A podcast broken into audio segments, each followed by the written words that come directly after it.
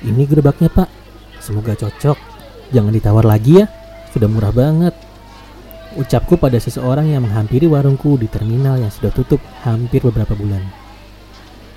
Ya sudah pak, saya bantu. Tolong dibersihkan dulu ya. Lalu bantuin naik ke pick up, ucapnya. Nggih pak, terima kasih, balasku.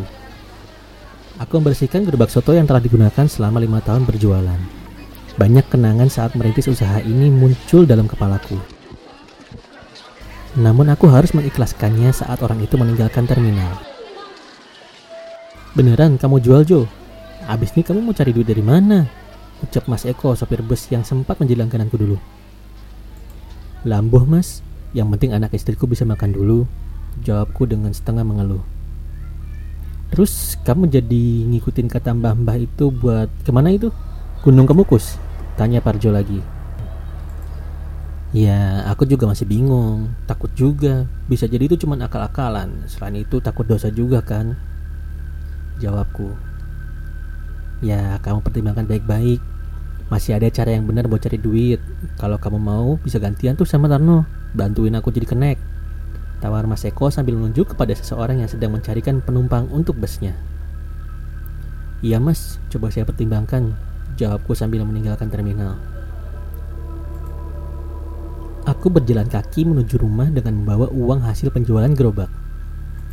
Selama perjalanan, cerita seorang mbah yang mampir ke warungku mengenai sebuah cerita Gunung Kemukus terus membuatku berpikir. Sebuah rumah kayu tua di pinggiran kali membuat wajahku semakin menunduk. Aku masuki rumah itu, mengecek meja makan yang sebenarnya sudah pasti kosong. Gimana mas? Laku berapa gerobaknya?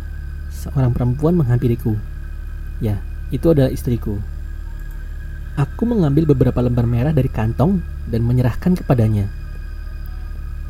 Cuma segini, yang benar aja mas, ucapnya dengan wajah yang membuatku ingin segera meninggalkan rumah ini. Dicukup-cukupin lama, cuman itu yang bisa aku dapetin, jawabku. Makanya, cari kerja yang benar. Itu anakmu mau dikasih makan apa kalau nih duit habis lagi? Hampir setiap hari hanya uang dan uang yang dipikiran Narti. Sudah sangat lama aku menahan emosiku. Aku mengambil baju dan keluar membanting pintu meninggalkan rumah busuk itu tanpa berpamitan sepatah kata pun. Kali ini keputusanku sudah bulat. Pesugihan Gunung Kemukus harus menjadi jalanku melepaskan dari semua kutukan kemiskinan ini. Ini adalah saat yang tepat. Besok Kamis Pon, jalani ritual pertama ucap seorang kakek yang kutemui di terminal. Terus mbah, apa saja yang harus saya persiapkan? Tanyaku pada kakek itu. Bawa persembahan, sesajen untuk kamu letakkan di makam Pangeran Samudro. Berdoalah, sampaikan keinginanmu. Ucapnya lagi. Lalu setelah itu bagaimana mbah? Carilah tempat yang tidak jauh dari makam Pangeran Samudro di sana kamu harus berhubungan badan dengan wanita peziarah di alam terbuka. Lakukan ritual ini selama tujuh kali setiap Kamis Pon. Lanjut kakek itu. Aku memang sudah mendengar tentang ritual pesugihan ini, namun baru kali ini aku mendengar secara detail bagaimana melakukannya. Ingat, lakukan dengan peziarah, bukan dengan istrimu atau pelacur di sana. Kakek itu memperjelas ceritanya. Geh, bertimbah matur suwun Segera aku pergi meninggalkan kakek itu menaiki bis menuju Seragen. Sebuah rasa yang tidak nyaman muncul. Wajar saja. Selama ini aku adalah laki yang setia. Jangankan berhubungan badan. Melirik wanita lain saja aku tidak berani. Mitos Gunung Kemukus ini muncul berdasarkan cerita mitos mengenai Pangeran Samudro yang jatuh cinta dengan ibu tirinya. Ia yang akhirnya pergi ke Gunung Kemukus akhirnya disusul oleh ibu tirinya dan akhirnya berhubungan badan di sana. Kejadian ini terlihat warga. Akhirnya mereka dirajam hingga mati. Namun sebelum kematiannya, Pangeran Samudro yang merupakan orang sakti keturunan dari Majapahit ini bersumpah ia akan memberkati dan mengabulkan permintaan siapa pun yang melanjutkan perbuatan bejatnya di tempat itu. Cerita ini merupakan mitos, namun banyak yang mempercayainya dan mengaku membuktikannya. Bis berhenti di sebuah persimpangan. Aku melanjutkan dengan ojek dan perahu warga untuk mencapai tempat itu.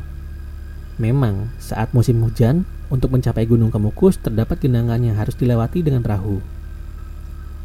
Awalnya aku sedikit ragu, namun ternyata cukup banyak orang di sini yang sepertinya memiliki niat yang sama.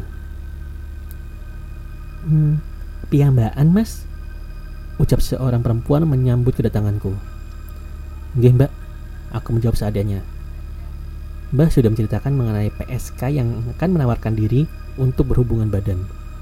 Namun jika aku melakukan itu, ritual pesugihan akan menjadi gagal dan hanya akan menjadi pemuas nafsu saja. Aku terus berjalan. Terlihat ada seseorang wanita berumur 30-an, berambut panjang, dengan tubuh yang cukup menggoda. Yang menarik perhatianku, di tangannya seperti membawa kembang untuk ziarah. Ia menoleh ke kanan dan ke kiri seolah mencari sesuatu. Aku memberanikan diri menghampirinya. Tekadku sudah bulat. Aku tidak boleh gagal menjalankan ritual ini. Pi piambaan mbak? Tanya aku pada wanita itu. Nggih mas, masnya juga. Tanyanya dengan sedikit malu. Iya, mbaknya ke sini mau itu juga ya? Aku melanjutkan pertanyaanku. Iya mas, jawabnya dengan singkat. Sama saya saja gimana? Dengan mengumpulkan rasa keberanian, aku memberanikan diri. Boleh mas, masnya sudah ke makam. Wanita itu melanjutkan. Belum, ayo bareng aja, ajakku. Sedikit lega, Setidaknya aku sudah ada pasangan untuk melakukan ritual ini. Kami berbincang cukup panjang dan selama di sana, wanita bernama Ningsi itu bercerita mengenai warung yang katanya diguna-guna oleh orang sehingga sepi. Dia mencari peruntungan dari pesugihan ini. Kami sampai ke makam. Sesuai dengan arahan, kami melakukan ziarah dan melakukan doa menyampaikan keinginanku untuk menjadi kaya. Di sini aja, Mas. Ningsih menghentikan perjalanan kami di sebuah tempat yang cukup lapang. Suara gemericik seperti air terjun terdengar dari sini. Tak jauh dari tempat kami juga terlihat beberapa orang yang sepertinya memiliki tujuan yang sama seperti kami. Aku mengeluarkan tikar yang kubawa dan menggelarnya di tempat itu. Mas, pelan-pelan aja ya, ucap Ningsih. Aku mengangguk namun bentuk tubuh Ningsih yang menggoda membuatku semakin tidak sabar. Satu demi satu baju Ningsih ku lepas, ku sentuh lekukan-lekukan tubuhnya. Terlihat Ningsih mencoba menahan malu. Aku mengecup sekedarnya untuk menenangkannya. Namun tentu saja nafsuku lebih menguasai. Bagaimana tidak bila dibandingkan dengan istriku? Tubuh Ningsih jauh lebih menggoda. Kami menikmati perlahan sampai pada satu titik aku menutup mata. Sebuah genggaman tangan terus meremas punggungku. Kupikir itu adalah tangan Ningsih. Aku melanjutkan perbuatan bejatku. Ekspresi wajah Ningsih semakin membuatku bernafsu. Hingga suatu saat mata Ningsih terlihat melotot ke arahku. Tangannya menepuk-tepuk punggungku. Wajahnya terlihat semakin mengerikan. Namun, aku anggap itu adalah reaksi dari yang ia rasakan. Kami menyelesaikan permainan kami dan segera membereskan semuanya. Mas Parjo nggak apa-apa? Tanya Ningsih dengan raut muka yang aneh. Gak apa-apa. Kenapa toh? Tanya aku memperjelas. Enggak, berarti kita ketemu Kamis Pon lagi ya mas ya? Aku nunggu di tempat yang tadi. Ucapnya dengan malu. Iya, makasih ya Ningsih. Jawabku. Kami berpisah di jalan utama. Aku menaiki bus menuju kampungku.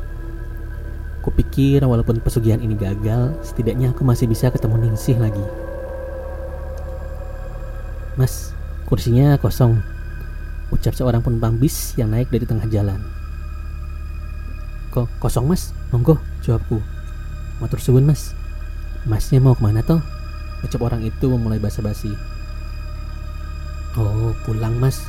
Tadi habis dari Seragen, jawabku sekenanya. Acara apa tuh di Seragen? Iseng aja mas nyari-nyari kerjaan daripada nganggur, jawabku. Lah, kebetulan mas, saya lagi cari karyawan untuk restoran baru, ucap orang itu. Apa ini kebetulan? Atau memang hasil dari pesugihan itu?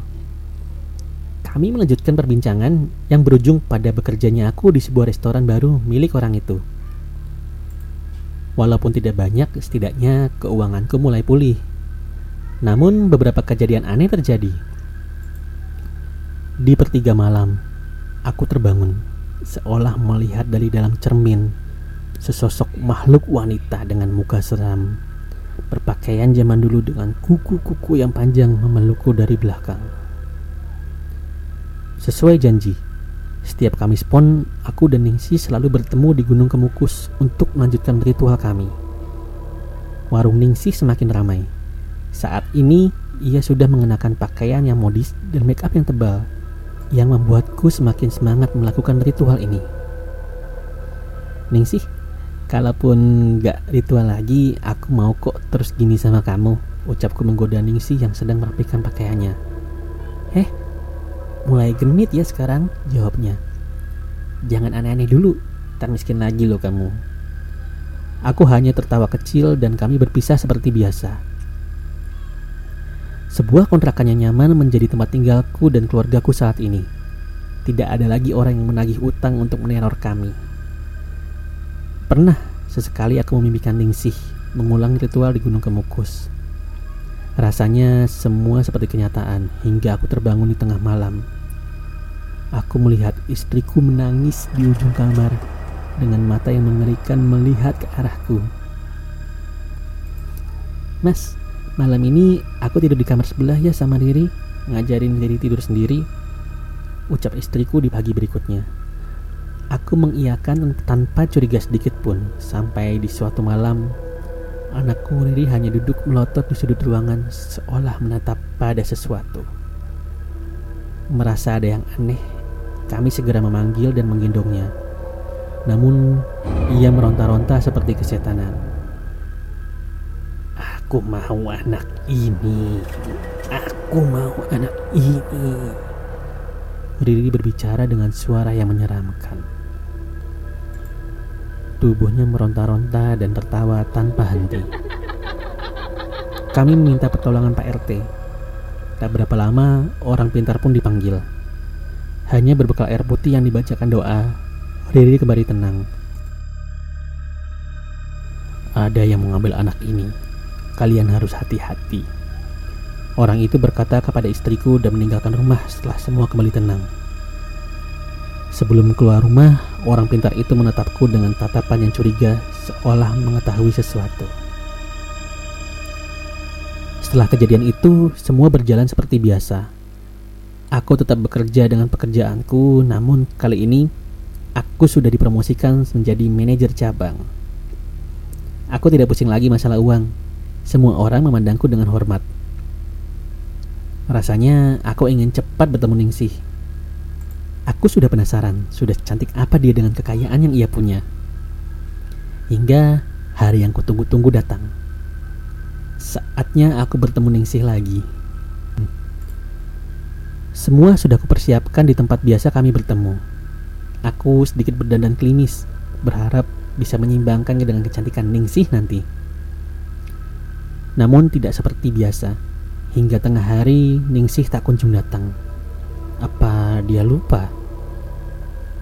Aku terus menunggu dengan rasa sedikit kecewa. Padahal ini adalah ritual ketujuh, waktu terakhir untuk menyelesaikan pesugihan ini. Beberapa PSK menghampiri menawarkan diri, tak jarang ada yang memaksa. Namun, aku tetap ingin menunggu Ningsih atau tidak kulakukan sama sekali. Langit mulai memerah. Ningsih tak kunjung datang. Aku pun bersiap pulang dengan kecewa. Namun sebelum sempat meninggalkan tempat itu, terdengar suara memanggilku. Mas, mas, maaf, terlambat. Terdengar suara Ningsi menghampiriku.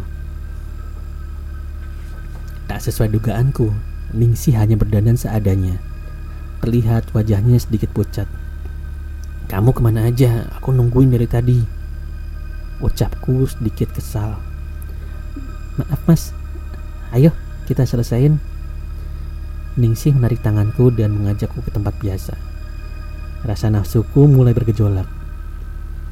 Kali ini Ningsih menggunakan parfum aroma kembang. Aku membuka baju Ningsih satu persatu. Ia hanya diam memandangku. Keindahan tubuh Ningsih berhasil menghipnotisku. Ini ritual terakhir.